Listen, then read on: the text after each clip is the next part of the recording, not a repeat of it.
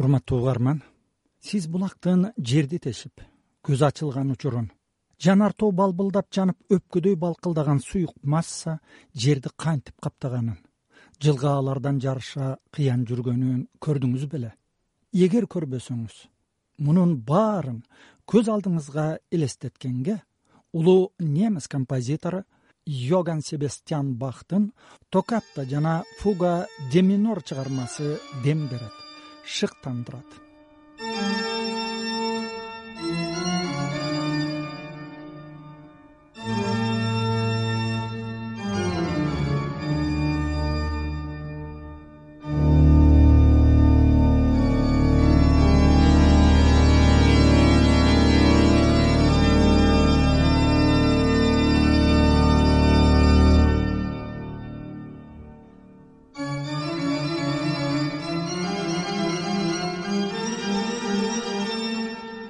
токатта жана фуга де минор аргандын мына бул керемет үнүн желим пластинкада эмес бах заманындагыдай чиркөөдө угуу үчүн совет мезгилинде чоңойгон менин муунумдагы музыка сүйүүчүлөр литванын борборундагы ригас домус кафедралдык соборуна барчубуз.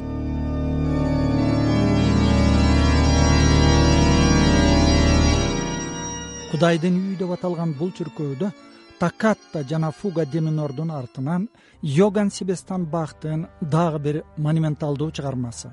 Паскалия жана фуга до минор ойнолчу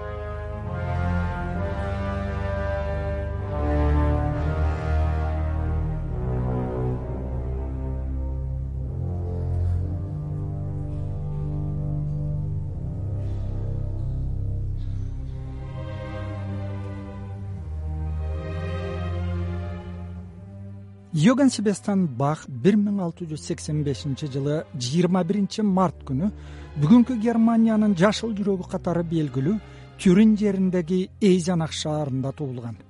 Ал кезде бүгүнкү германия үч жүз князьдыкка бөлүнүп ыйык рим империясына баш ийген а князьдыктар болсо рим папасы дайындаган герцогтор менен эпископтор тарабынан башкарылган бахтын өмүрү бүгүнкү чен менен алганда кыска болгон. Ал алтымыш беш жашында бир миң жети жүз элүүнчү жылы дүйнө салган. Улуу композитордун мурасы деп өз доорундагы баардык музыка жанрларына таандык бир миңден ашуун чыгармасы саналат. Ал опера гана жазган эмес анын чыгармаларында полифония жетерчегине жеткирилген деп баштады йоган себестан бах тууралуу аңгемесин чехиялык педагог музыкант вера стракова всемирно что бах признан дүйнөдө бах музыканын атасы деп таанылган. Анын заманында гендель жана люли сыяктуу үлкөн композиторлор болгон. Бирок алардын бири да музыканын өнүгүүсүнө бахтай чоң салым кошкон эмес. Бах жашаган он жетинчи кылымда музыка жалаң чиркөөлөрдө аткарылган. Бах чиркөө үчүн музыканын деңгээлин абсолюттук бийиктикке чыгарат. Бүгүнкү тил менен айтканда бахты өз доорунун поп жылдызы же жыйырманчы кылымдын майкл джексонундай поп стар деп айтаар элем. Себеби йоган себастьян бах өз учуру үчүн таптакыр жаңы музыканы жаратат.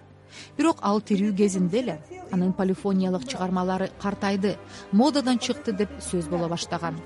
Анткени он сегизинчи кылымда дүйнөвүй музыка жарала баштаган. Постепенно начала появляться светская отрасль музыки бахтардын тукумун алтынчы кылымдан башынан тартып эле музыканттар катары немис жеринде белгилүү болгон. Атасы йоган амброзиус алты миң калктуу эйзянахтагы чиркөөдө музыкалык оюн зоокторду уюштуруучу капелмейстер болуп иштеген. Ал учурда музыка чиркөөдө аткарылгандыктан диний жетекчилик жергиликтүү аристократтар менен чогуу музыканттарды каржылап турушкан. Болочокку даркан композитор ата энесинен сөөгү кателик жаш курагында ажырап улуу агасынын колунда тарбияланат. Бир миң жети жүз үчүнчү жылы үч жылдык музыкалык мектепти бүткөндөн кийин жаш бах веймардын герцогу йоган эрнесттин сарайында музыкант кызматына алынат. Жарым жылга айланбай бахтын теңдешсиз аткаруучулук таланты тууралуу эл ичинде кеп тарайт. Буга байланыштуу вера стракова мына бул легенданы эске салды он иногда развлекался так что переодевался бах кембагал мугалимдей кийинип алып коңшу кыштакка барып бейбечара кейиптенип чиркөөнүн кастеляныдан арганда ойногонго уруксат алчу экен. Анан бахтын ойногонун уккан адамдар аргандын арбагандай кубаттуу ыргактарынан коркуп качышчу экен. Себеби шайтан өзү келип арганда ойноп жатат деп ойлошкон. Анткени карапайым киши арганда мынчалык жакшы ойной албайт деп ойлошкон. Мог играть так хорошо на инструменте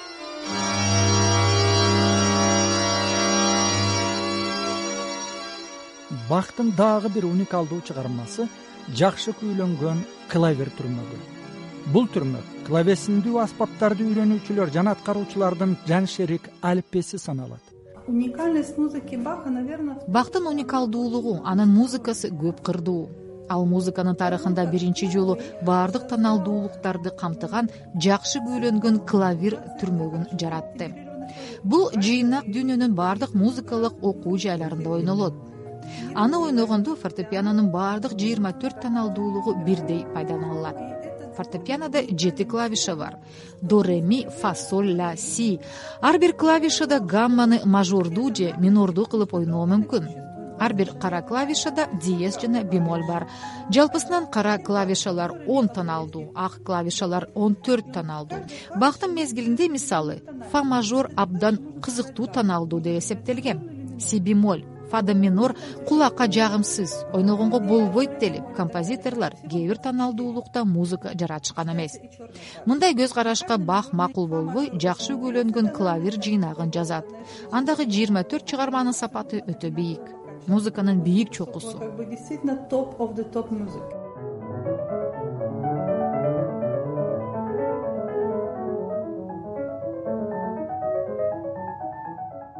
сиз йоган себестьян бахтын жакшы күүлөнгөн клавир жыйнагын угуп отурасыз. Андан бетховендин атактуу ай сонатасынын фредерик шопендин жамгыр вальсынын шарл гунонун аве мариясынын башатын табасыз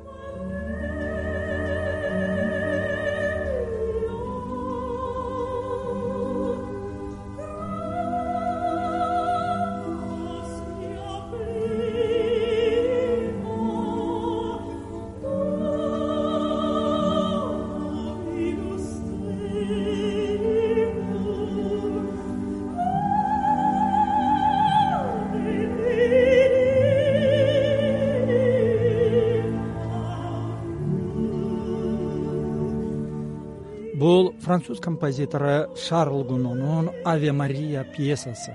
Пьеса бахтын прелюдиясынын негизинде жазылган.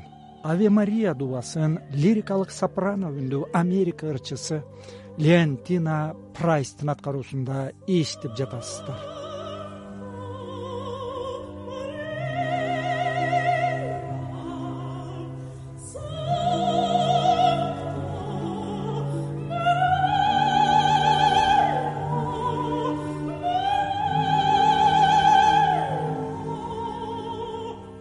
литва совет акыны эдуардес меджелайтистин жерге таянып күндү эки колум менен кармап турам деген саптары бар.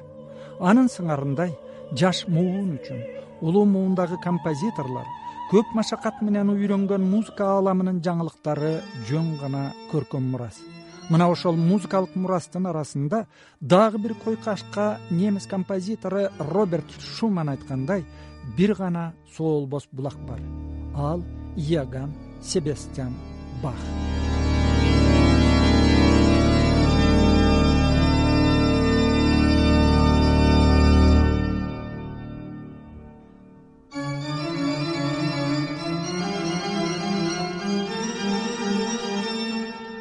Сөз учугу кайрадан вера страковада. Бетховен и моцарт бетховен жана моцарт бахтын музыкасы менен тарбияланган. Моцарт бала чагынан тартып эле бахтын музыкасын өтө көп ойногон жана баардык чыгармаларын көчүртүп алып жанында аздектеп алып жүргөн. Моцарт лейпцигте бахтын матеттерин угуп жатып бул кайра эле жаңы бир нерсени үйрөнчү нерсе турбайбы деп кыйкырып жиберген экен. Бетховен бахты абдан баалаган. Бах немис тилинде булак дегенди билдирет ошого бетховен нихт бах зондер мея золте хайсен аны бах дебей деңиз деп аташ керек деп айтканы маалым. Себеби бах деген немис тилинде булак деген сөз. Бах в переводе с немецкого означает ручей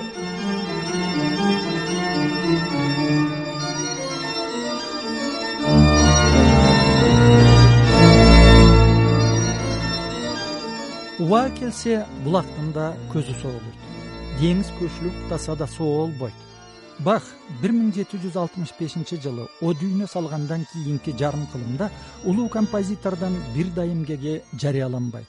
Чыгармалары эскирди делип чанда бир ойнолуп ысымы унутулуп калат.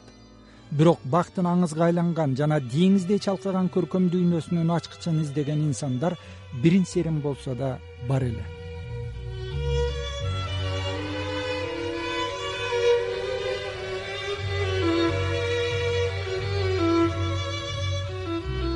мендельсон как вы правильно сказали бир миң тогуз жүз жыйырма тогузунчу жылы мендельсон бартольди матвейге куштарлануу чыгармасын аткарган соң бах кайра популярдуу болуп бүгүнкү күнгө чейин даңкы өчпөй келатат. Француз кинодокументалисттери жыйырманчы кылымдын атактуу пианисттеринин бири святослав рихтерден кайсы композиторду жакшы көрөрүн сураганда бахты гигиена үчүн ойноо керек. Ал мээңди жакшы тазалайт деп жооп берген. Причинам хорошо чистит голову деди чехиялык музыкант педагог вера стракова.